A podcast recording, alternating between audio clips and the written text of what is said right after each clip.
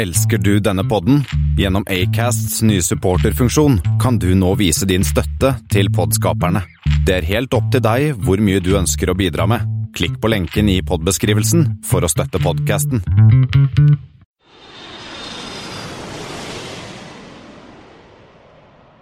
Hei og velkommen om bord på Flypoddens Flight 12, som denne gangen skal både til Tromsø og Amsterdam.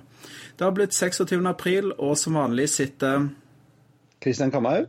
og Thomas Lone her og skal nerde med deg de neste tre kvarterene. Eh, Du Kristian, har du eh, vært noe ute og flaksa siden sist vi snakka sammen? Jeg har vært en liten tur i Amsterdam. En liten, liten jobbtur. Og nå er, vanligvis er det jo Stockholm og, og mye Frankfurt og sånn for meg, men også Amsterdam det er lenge siden sist. Jeg syns det er jo veldig, veldig Jeg synes det er en fin flyplass.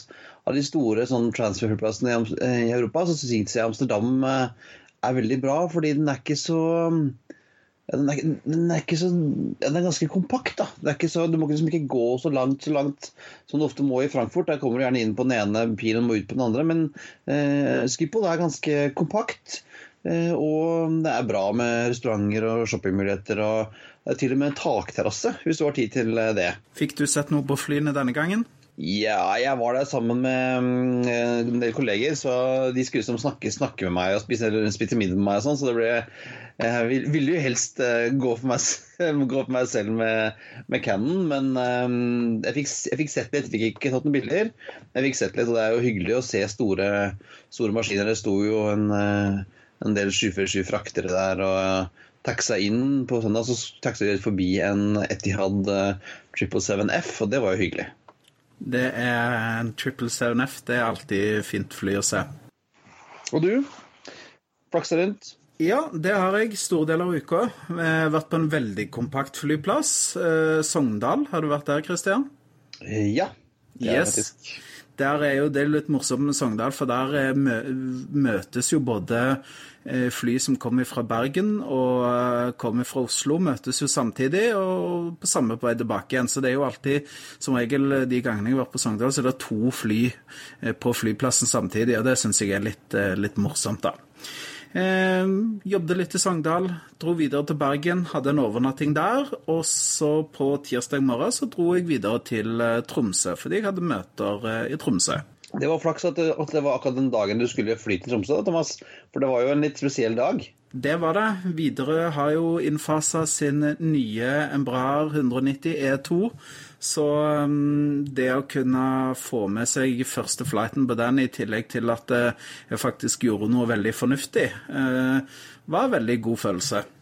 Men det skal vi jo snakke mer om eh, senere i dag. Det skal vi helt klart snakke om. Det er jo det som er dagens hovedtema.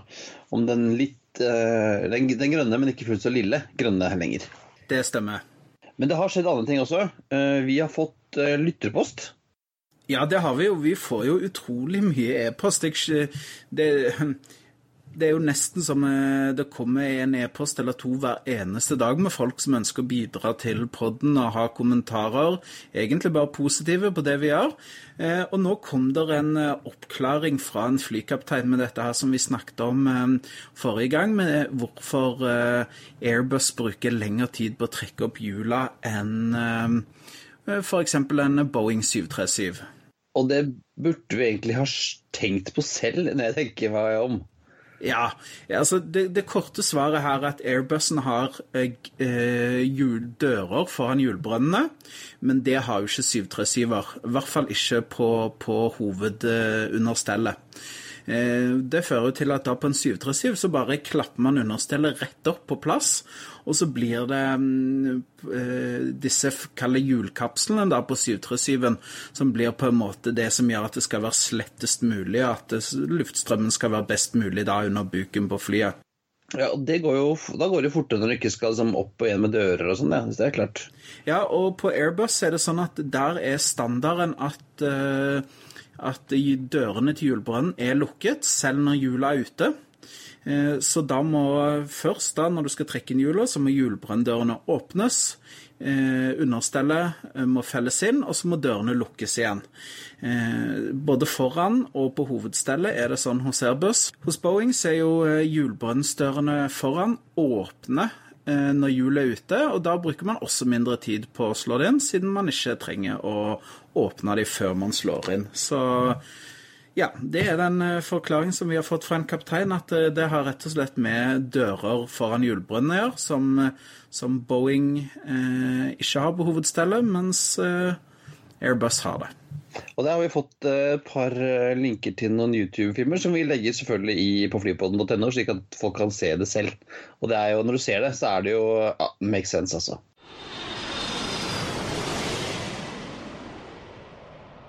Det har jo skjedd litt andre ting i verden òg denne uka. Eh, det har jo vært Norwegian er jo fremdeles i spill.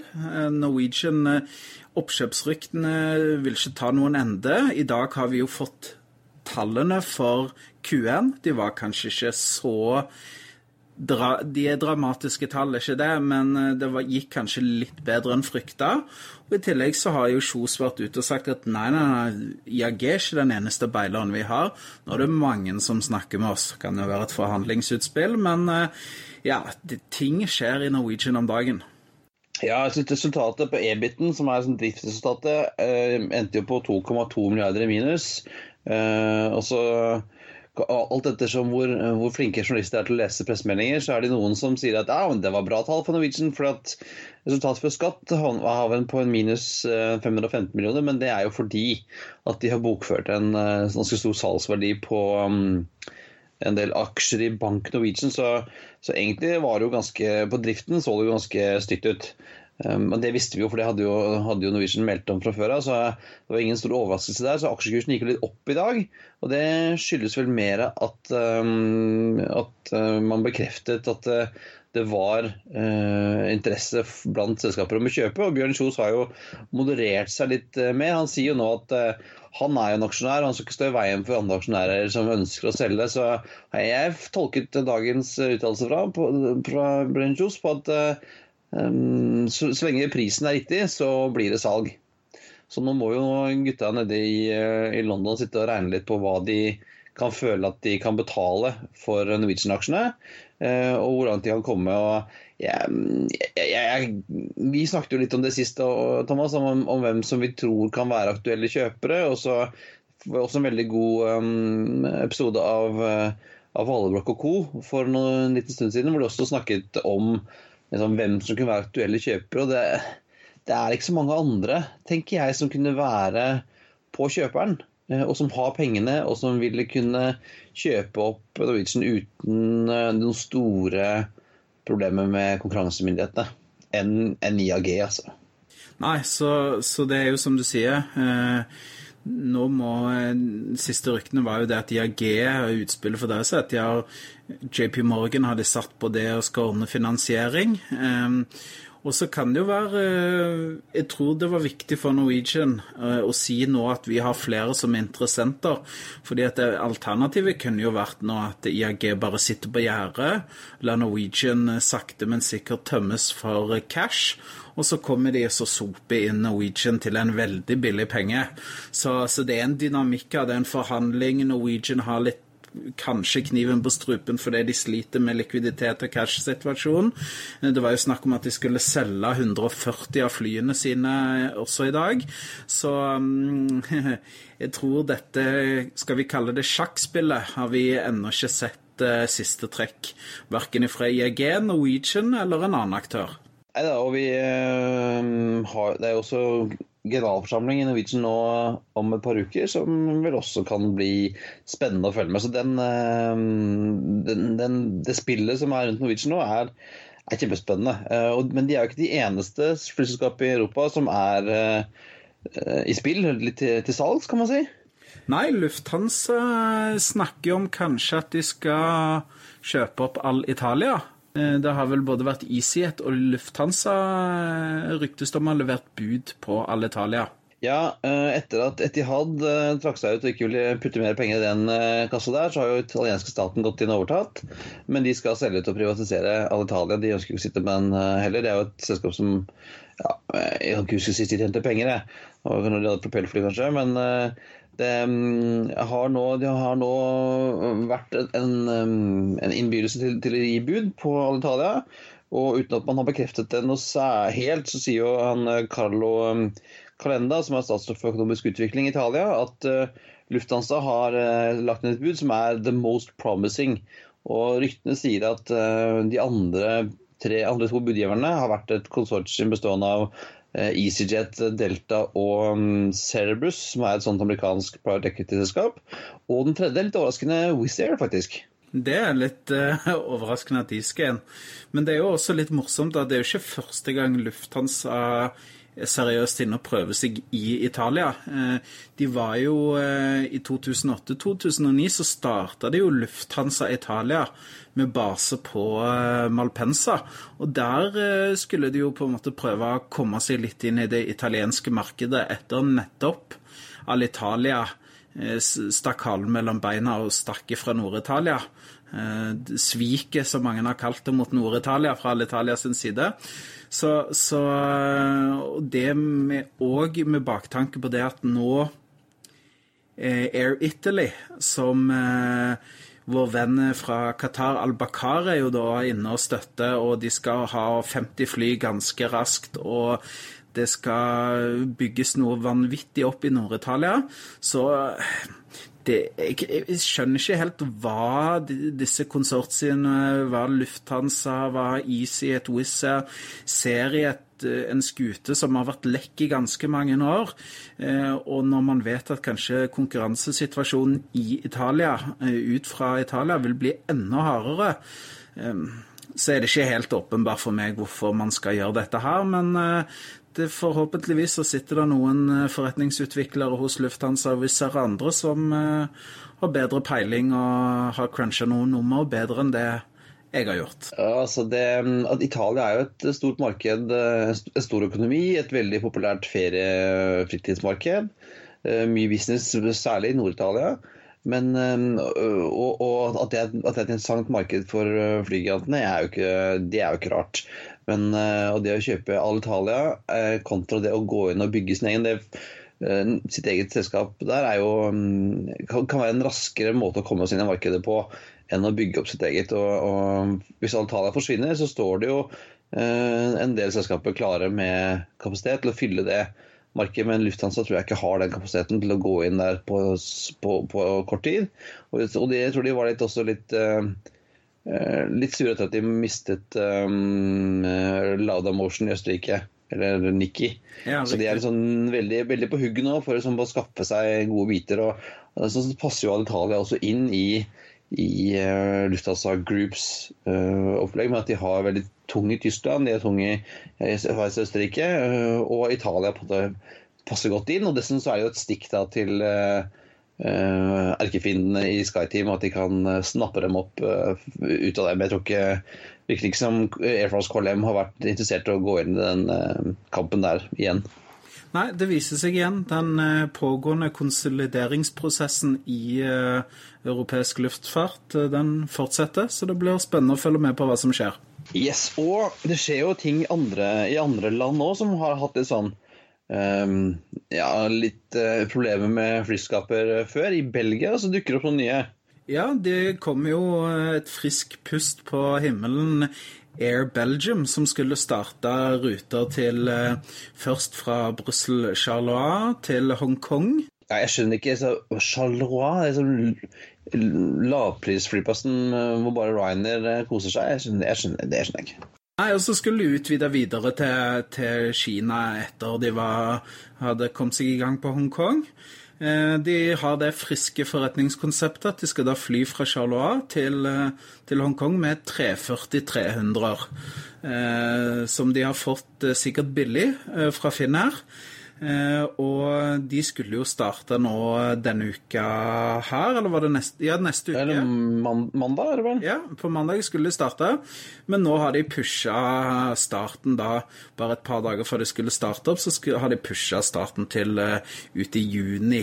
Ja, som uh, Det kommer jo gjerne ikke overraskende på mange, men det har vært mye trøbbel. altså Disse flightene der har ikke vært tilgjengelig i GDS. Det har ikke vært mulig å booke de for reisebyråer, verken i Europa eller i Kina eller i Hongkong. Eh, det har vært problemer med betalingsløsningen på nettsidene og sånn. Så eh, ja, jeg vil tippe ja, min oppfatning er nok kanskje at denne Det er mer en sånn prøve å begrense tapet. Vi pusher lansering eh, noen uker for å se om vi selger mer billetter, som er grunnen til at de eh, starter ikke før ut i juni. Men eh, det blir spennende å se. Det er jo litt dissens her i Flypodden i forhold til designet på flyet.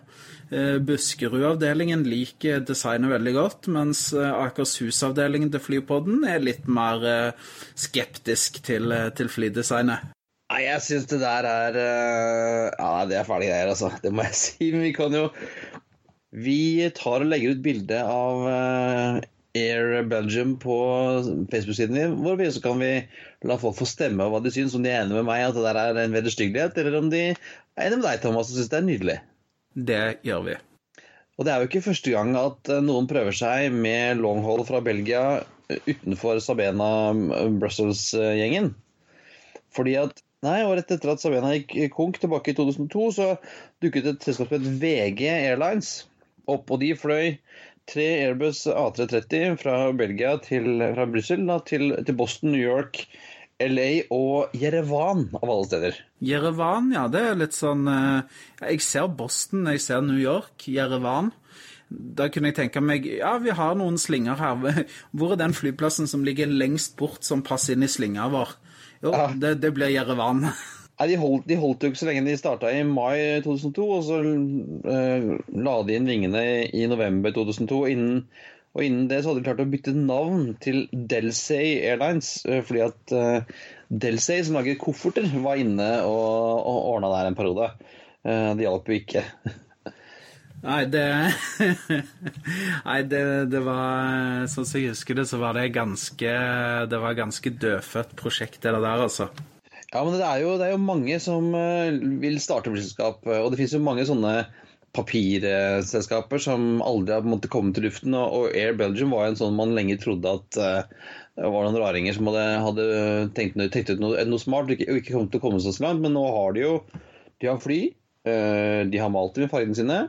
De har crew, og de har uniformer. og uh, De har kommet ganske langt, men nå er det en liten, liten brems. Så får vi se uh, hva som skjer med Air Belgium. Vi får krysse fingrene. Ja, og vi kan jo nevne det at vi eh, kommer til å lage en pod uh, der temaet er disse papirselskapene som har hatt grandiose planer, men aldri har kommet seg av bakken. Man hadde jo noen som skulle fly 747, var det 300 maskiner, eller det var noe sånn helt far-fetched, fra Arlanda til Krabi. Uh, du har jo kanskje det mest kjente dette eksempelet som heter Baltia Airlines. Det er et flyselskap som har eksistert med en uh, lisens til å fly. Uh, den har blitt trukket, men uh, i, i, nesten 30 år har de, det flyselskapet eksistert. og de skulle fly mellom ja, det var, de, de starta vel tanken at de skulle fly mellom New York og, og, um, og Sovjetunionen fra, tilbake på, på 80-tallet, mellom New York og var det Leningrad eller Riga eller noe sånt. Så eh, ja, det, de skal vi se på, og så skal vi se på en del andre òg. Eh, blant annet Balti Airlines det er jo et flyselskap som har alt når det kommer til drama og finurligheter og alt sånt.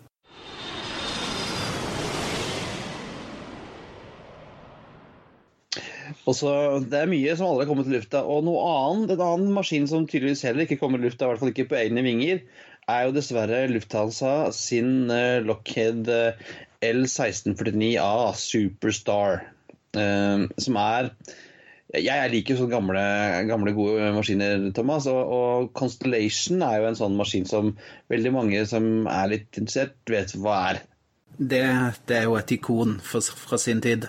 Det er jo et vakkert, smekkert uh, fly med fire stempelmotorer og tre halefinner. Og um, Lufthansa Teknikk kjøpte jo en sånn en for, ja, år, for, for ti år siden. En, en sånn um, super, Superstar uh, Constellation, den, den, største av de, som ble bygd tilbake for ja, 61 år siden. Uh, og som fløy en stund i, i, USA på sånn airshow og sånn. Så kjøpte de den her og ønsket å sette den i flyende stand og kunne, kunne selge altså, billetter til betalende passasjerer på samme måte som de gjør med den, den Junker 52-en sin. Ja, det er jo litt morsomt med den Junker 52-en, for når du ser i, i inflight-magasinet til uh, Lufthansa, så, st så, starter det jo liksom med de største flyene. Vi har så og så mange uh, A380-er og 747-8i, og går det nedover til Airbus A320 og 19 osv. Så, videre. så helt på bunn én stykk Junker JU52. så det er liksom en del av flåten til Lufthansa. Har du fløyet med den, Thomas? Nei, det har jeg ikke. Men uh, du har vel uh, hatt deg en tur med Junkeren? Det har jeg, fra Gardermoen og rundt omkring. Og jeg må si at det var jo en, en uh, flott opplevelse å fly et sånt gammelt fly. Men det er jo en liten, ganske liten sak som lett blir blåst litt rundt i vinden, så jeg har jo aldri jeg var både, både, litt lei meg og veldig glad for at vi var ferdig men, etter den lille rundturen. For jeg har aldri vært så nær på å spy i et fly en gang må jeg innrømme. Herlig. Men, men uh, ja, dessverre, da. For du som er Flypoddens flyhistoriske uh, avdeling, så blir det jo ikke noe av denne 16, Lockheed 1649 Superstaren. Uh, Karsten Spor har sikkert sagt nei, ikke mer nå. Men utfordringen var vel Ja, det koster jo mye penger å sette dette sammen, men det var vel heller deler, altså tilgang på deler som er kvalitetssikre, som var den største utfordringen? Ja da, for de har jo bestemt seg for å, å ta den helt fra hverandre eh, og sette den sammen igjen. Eh, så vi ser på bildene fra dette prosjektet, så har de jo altså Det ser ut som en, eh, en sånn D-sjekk på speed, omtrent. Har jo tatt den helt fra hverandre og skulle sette den sammen. Og problemet er, fant de ut etter hvert, da, at et fly som ble først bygd for 61 år siden, det er ikke så lett å få tak i deler. Eh, og ganske mye ting måtte de lage på nytt. De måtte sånn reverse engineere biter eh, for å få det til å stemme. Det fantes jo ingen tegninger, det fantes ingen deler, det fantes ingen blueprints, ingenting eh, igjen. og det var jo masse andre Lufthansa hadde med seg flere andre sponsorer, bl.a. Ja, Airbus og Bombardier og sånn, mens en flyfabrikk som glimrer med sitt fravær på den lista av sponsorer, er jo nettopp Lockheed Martin, da, selvfølgelig. De visste kanskje hvor vanskelig det var, jeg vet ikke. Ja, de, de, skjønte at det var et dødfødt prosjekt, kanskje? Ja, det er veldig synd. Jeg hadde jo veldig mange som hadde jobbet lenge på dette prosjektet, og hadde vært veldig gøy å, å se den maskinen i luften igjen og kunne fly med den som man kan med, med Junker 52-en. Men um, de har nå bestemt seg for å pakke flyet pent sammen, sette det i bokser og sende det til Tyskland. For de har holdt, de har holdt på nå i Maine siden 2008 for å sette flyet sammen, men de har nå måttet uh, the plug om det var altså det, var, det, var, nok noe økonomisk, men, også, men, mye at det var et vanskelig prosjekt å få til. Det skulle jo sertifiseres, og skulle jo, man skulle jo få lov til å fly med en sånn maskin også. Det har kanskje ikke vært så lett. Så ryktene sier nå at den skal settes opp igjen utenfor eh, hovedkontoret til Lufthansa i Frankfurt. Så da går det i alle fall å gå og se på den. Ja, det gjør det absolutt. Apropos Lufthansa, Lufthansa Group og andre, så tar jo eh, Austrian Airlines en Swiss, vil jeg kalle det. De bytter jo fargeskjemaet fra den My Austrian-profilen som de har hatt i ja, vel en tre år.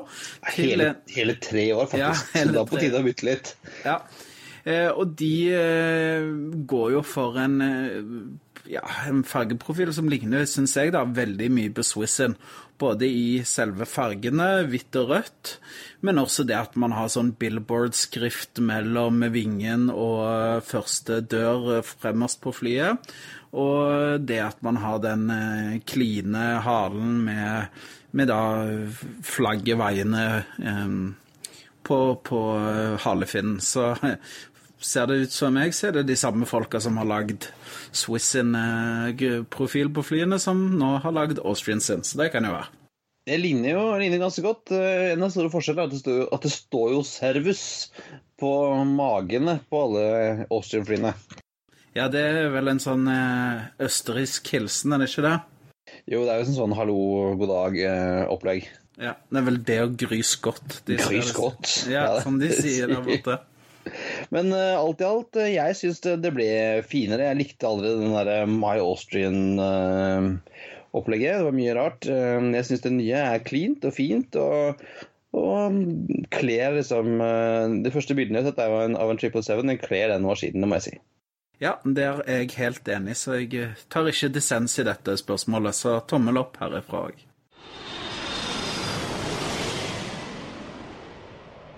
Og Thomas, vi var jo inne på det i starten, men du har vært ute og levd flyhistorie denne uken her.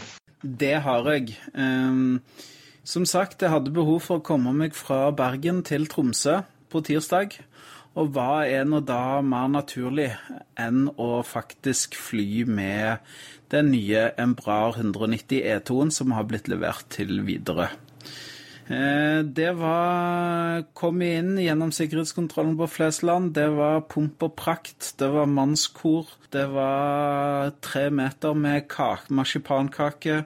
Det var taler. Det var ballonger. Det var snorklipping. You name it. Så det var tydeligvis et veldig stolt Widerøe, som eh, da kunne ta imot de første gjestene sine da på på VF 622, da, som, som, tok oss da fra Bergen til Tromsø med den nye Embraeren. Eh, lukta det nytt fly? Det lukta nytt fly, det gjorde det. Og eh, det morsomme, eller det som på en måte var gjennomgangstonen da for alle som var på flyet, det var det at fy søren så stille det flyet var. Det var Altså, jeg kunne snakke med sidemannen som satt over midtgangen og mot vinduet på andre siden helt vanlig som jeg snakker når vi sitter over middagsbordet, på takeoff, uten at uh, jeg måtte heve stemmen i det grann. Jeg fløy SAS hjem fra Tromsø dagen etterpå, eh, og da selv på rad eh, fire så bråka det jo eh, mye verre enn det det gjorde bak motoren på rad 19 eh, på E2-en. Så det er eh, sånn passasjermessig, komfortmessig i forhold til støy, eh, så er det jo et helt fantastisk fly. En, en revolusjon. Ja, men 29 tommers pitch er jo ikke akkurat så veldig høy komfort, da. Nei, eh, det kan du si. Og det er jo på en måte der eh, videre har blitt litt kritisert, for de ønsker å på en måte stappe inn mest mulig seter. Eh, men når det er sagt, så på ruter opp til to timer så funker det for meg, som ikke er blant de høyeste. Jeg satt ved siden av en som var 1,90, og han sa at dette gikk akkurat. Men han ville ikke flydd noe veldig mye lenger enn Bergen-Tromsø for å si det sånn. Han, sa, han skippa ut på disse charterflyvningene. Som, ja, ikke, ikke noen taljer på han, altså? Nei, fra Bergen videre. Det blir det ikke. Til å drive litt innenriks og litt i Nord-Europa og flakse litt fra Norge til Tyskland eller litt sånn som de skal, så funker det veldig bra. Eh, setene var litt sånn på en måte litt lave, da. De bygde ikke så mye i høyden. Man fikk nakkestøtte og sånn, men det, det, var med og bidro til at romfølelsen allikevel var til stede i kabinen, selv om det er litt mindre kabin enn en 737. Ja. Så, og du hadde jo med deg mikrofon på turen, gjorde du ikke det? Så du fikk en liten prat med sjølveste sjefen, eh, over alle sjefer i Widerøe i hvert fall, Stein Nilsen. Det hadde jeg. Vi tok intervjuet med Stein Nilsen bak på rad 19 hvor eh, jeg satt, bare for å gjøre et poeng av eh, hvor stille eh, flyet er. Og det kan vi jo ta og høre på nå.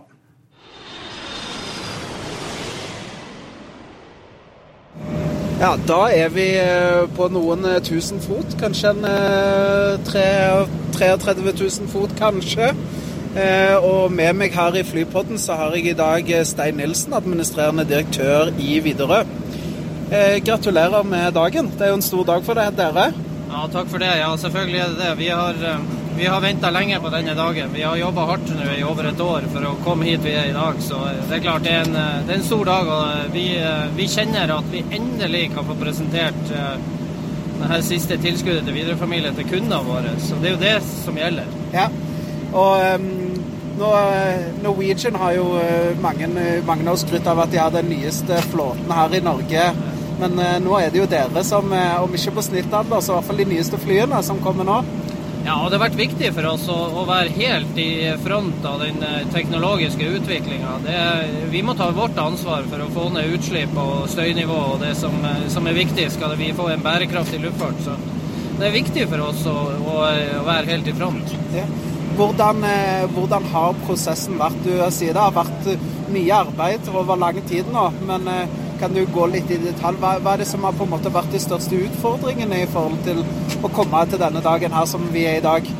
Nei, altså Widerøe er jo i prinsippet et lite flyselskap, og vi, vi har jo nå uh, vært i et samarbeid med, med, verdens tredje største flyleverandør. og det er klart det å få den tilliten og, og bli launch for et, et, et, helt nytt fly, det er mye jobb. Og eh, vi har en veldig kompetent organisasjon, men vi er ikke så veldig mange hoder i Widerøe. Så det er mange som har måttet jobbe hardt i tillegg til at vi har hatt en sikker og god daglig drift for å få dette til. Ja, ja for én ting er jo at dere må jo være sikre på at en bra leverer. Men her er det jo også litt motsatt vei. At en bra må jo faktisk være sikker på at dere kan levere en organisasjon som er klar til denne dagen her. Ja, det er klart. De har heller ikke råd til å mislykkes med, med en sånn her uh, satsing som de gjør. Det er det her de skal leve av de neste 20-30 årene. Så oss videre, det er en enorm tillitserklæring når en av de største flyprodusentene i Norge velger oss til å lansere flyet. Selvfølgelig. Ja. Nå har dere jo ruter fra Bergen til eh, Tromsø og til Bodø på trappene. Men eh, du, kan du si noe om planene framover?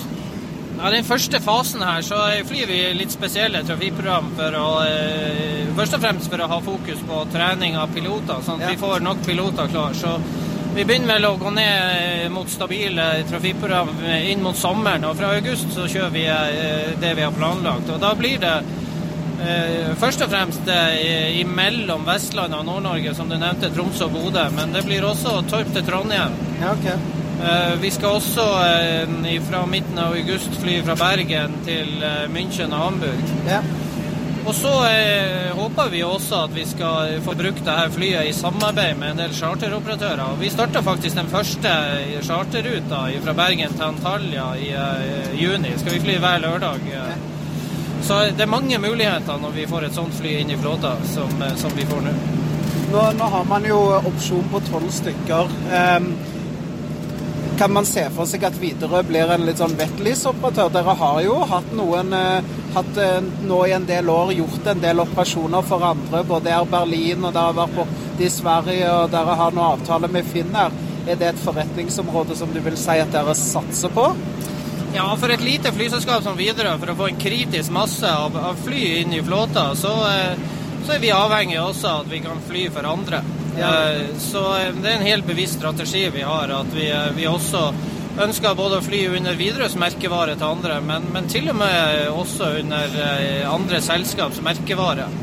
Og det her, en, det her er jo en, eh, klassisk forretningsområde for et regionalt flyselskap som Widerøe er. Ja, F.eks. sånn som CityJet gjør for SAS, er det da sånn du tenker at det... Ja, det er jo SAS har jo én stor underleverandør som, som heter CityJet. så men det finnes mange muligheter der ute. Men vi har vært litt forsiktige nå i oppstarten. Ja, vi vil ha flyet inn i stabil drift, og så regner vi med at vi frem mot vinteren kommer til å satse litt mer på den type kommersielle oppdrag. Veldig spennende.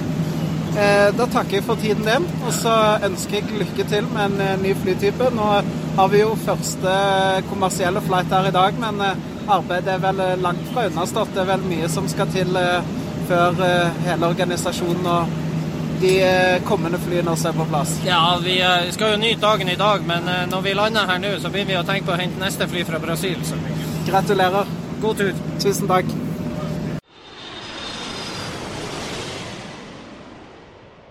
Jeg hørte jo at det var ganske stille, Thomas. Jeg vil jo si at det var overraskende grei lyd på det opptaket der, altså.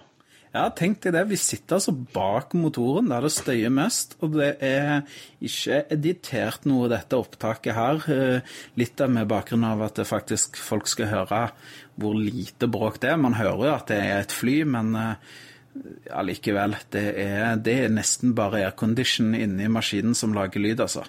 Ja, og Så bekrefter jo Stein også det som vi snakket om tidligere på der, at uh Um, skal de øke flåten helt opp til, til 15 maskiner, så er det jo snakk om en del uh, wetlease eller ACMI-flyvning. Det bekrefter han jo at, han, at det er jo en, et marked de, de ser på. Ja, faktisk satse på, sa han vel. Så, så, og det var jo litt morsomt at han sa at ja, vi kommer til å gjøre sånn som vi gjør for Finner, at vi har wetlease på eget eh, brand og på eget merke. Men vi kommer også til å gjøre wetlease på eh, Kunne være interessert i å gjøre det som da går under andres profil, sånn som for eksempel Sånn som City gjør for SAS, da. Eh, at uh, City er ikke Branda, men det er SAS som står på flyene. Så det, det kan jo være, med, hvis man tenker på at Robert Gustafsson har sagt at SAS ikke skal ha fly som er uh, mindre enn 160 eller 150 seter, så har man jo et gap da mellom de minste flyene til SAS og de største til CityJet. Så du skal jo ikke se bort ifra da at man får en E2 i SAS-farger, kanskje. Det, det, hadde vært fint. Det tror jeg vi hadde likt alle sammen. Og vi var inne på det når vi snakket om SAS sitt kjøp av A320 Neo-familien, at uh, de har ikke sagt om, sagt om hvilke, hvilke um, versjoner uh, de skal ha. Og vi tror vel ikke noe særlig på at det blir noe A319 Neo. Uh, gjør vi ikke. og særlig nå fordi at den eneste kunden som faktisk har bekreftet at de skulle ha A319 Neo, nemlig Avianca, gikk jo ut forrige uke og sa at de byttet heller til 320 eh, år. Så da står jo Airbus omtrent uten. Det skal visst være sju bestillinger, tror jeg, inne eh, fra ikke-bekreftede selskaper, og muligens en sånn BizJet også. Men eh, det er jo ikke Det, det lukter ikke storsuksess av den kjerra der, i hvert fall. Nei, det gjør det jo ikke. Så, men igjen hvis ordene til Gustavsson, hvis vi skal tro på det, så så tenker jeg at mulighetene er åpne for at eh, kanskje man får se E2 i, i SAS-farger.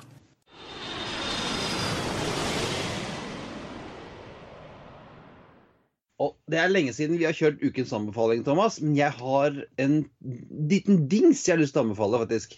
Ja, fyr løs. Ja, um, jeg fikk spørsmål av en uh, venn av meg som er uh, minst like digital som meg, om som var min favoritt-digitaldings på, på flyreisen for å gjøre flyreisen bedre, er. Eh, og det er faktisk en dings som ikke er særlig digital, men som er veldig analog. Den heter The Airhook. Har jeg aldri hørt om. Nei, eh, det er en liten Jeg støttet den på, på Kickstarter for eh, ja, godt over et år siden. Det er en liten eh, krok på en måte som du setter fast hvis du lukker, lukker igjen eh, bordet på settet ditt. Ja. Og i den lille sprekken da, sant, mellom eh, bordet og setet, så du, er det en sånn liten krok du setter inn, og der kan, der kan du feste iPaden din. Ja, riktig. Jeg har et sånn jeg, som jeg stikker inni der ja. eh, på telefonen. Så det, ja. jeg kjenner til konseptet. Fungerer veldig bra. Eh, og i tillegg så har den her da altså en koppholder. Uh, nice. Så når du sitter der og skal se på film og vil, liksom ikke, vil ha god plass og ikke liksom ha, ha bordet oppe, Fester bare airhocken din eh, på stolryggen foran deg. Putter glasset eller eh, tekoppen i den lille koppholderen. Og så kan du lene deg tilbake og nyte eh, filmen din. Så tenker de som sitter rundt deg, og de som jobber i flyet, han der, han flyr altfor mye. Ja, jeg fikk faktisk kommentar når jeg fløy til Stockholm forrige uke, for jeg hadde den med meg. Og så fikk jeg kommentar fra, fra hun flørtiden og bare Oi, det var en smart ting. Og vi måtte, hun skulle vise den til kollegaen og sånn. Så um, den koster ikke mange dollarene. Det er, en, det er, noen plastbiter og en liten strikk.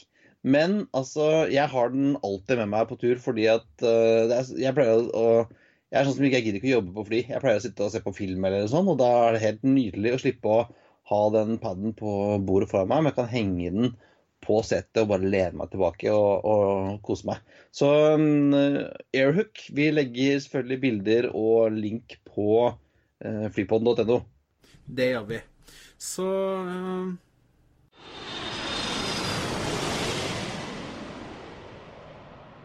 Ja, vi har jo, uh, Thomas, sagt Eh, litt sånn eh, høy, høyt, høyt, og mørkt at vi ville kjøre en livepod, for det gjør jo alle podkaster. Eh, og så har vi spurt liksom, om folk vil sende oss en mail og, eh, hvis de er interessert. Og vi har vel fått fire e-poster på det, tror jeg. Ja, hele fire stykker. Ja, men vi eh, ser ut som vi får det til likevel. Eh, sammen med våre venner i Final Call. Ja, det det blir ikke en hangar, da, til å begynne med.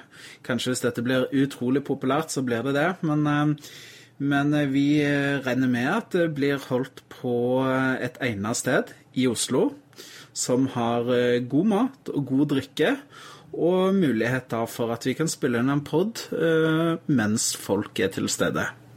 Ja, i hvert fall, hvert fall, om ikke hele, så i hvert fall deler av den. tenker jeg Vi kan vel ikke sitte og skravle i tre kvarter. Jeg tror vi blir bua ut etter hvert uh, der. Men det hender altså selveste frigjøringsdagen, 8. mai. Jeg skal ta på meg mine Luftforsvaret-mansjettknapper. Som den uh, luftforsvarsveteranen jeg er.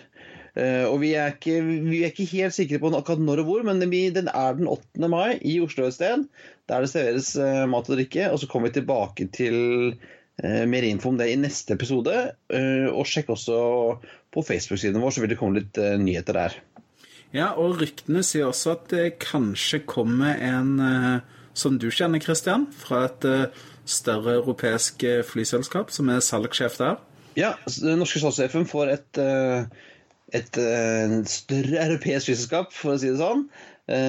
Som vel for mange Vi har ikke snakket noe særlig om dem, og de har vært liksom litt under radaren, men har, uh, gjort en, de har gjort en reise kan man si, de siste tolv årene. Jeg har ikke fløyet dem. Har du? Nei, men jeg har hørt veldig mye godt om, om de, som har brukt de både i økonomi og business, så jeg har ikke noe betenkeligheter med å fly disse, i hvert fall. Nei, jeg har, jeg har, en historie fra fatter'n som fløy med de på 70-tallet. og ja, den, kan, den, skal jeg vel ta på, på, på livepoden, men det er en, en fornøyelig historie. Herlig. Det gleder vi oss til. Det var alt for i dag. Takk for at eh, dere fulgte med oss eh, nok en gang. Vi fikk lov til å sitte og nerde og kose oss eh, en, en liten halvtime, tre kvarter. Gå inn på flypodden.no for å finne linker til det vi har snakket om i dag, bl.a. disse YouTube-filmene av understell opp og ned. Ikke glem å abonnere på Flypodden i iTunes, og gi oss gjerne en fin rating der. Er det lov å si understell opp og ned? Ja ja, kanskje. Uansett, um, du finner oss på Twitter på atflypodden, på facebook.com flypodden. Har du et tips eller et spørsmål, vil du være gjest hos oss, eller kanskje du til og med vil sponse oss, ja, da sender du en mail til halloalfakrøllflypodden.no. Takk for nå, og velkommen om bord neste uke. We thank you for flying with us today. We truly appreciate your business and look forward to serving you on a future flight.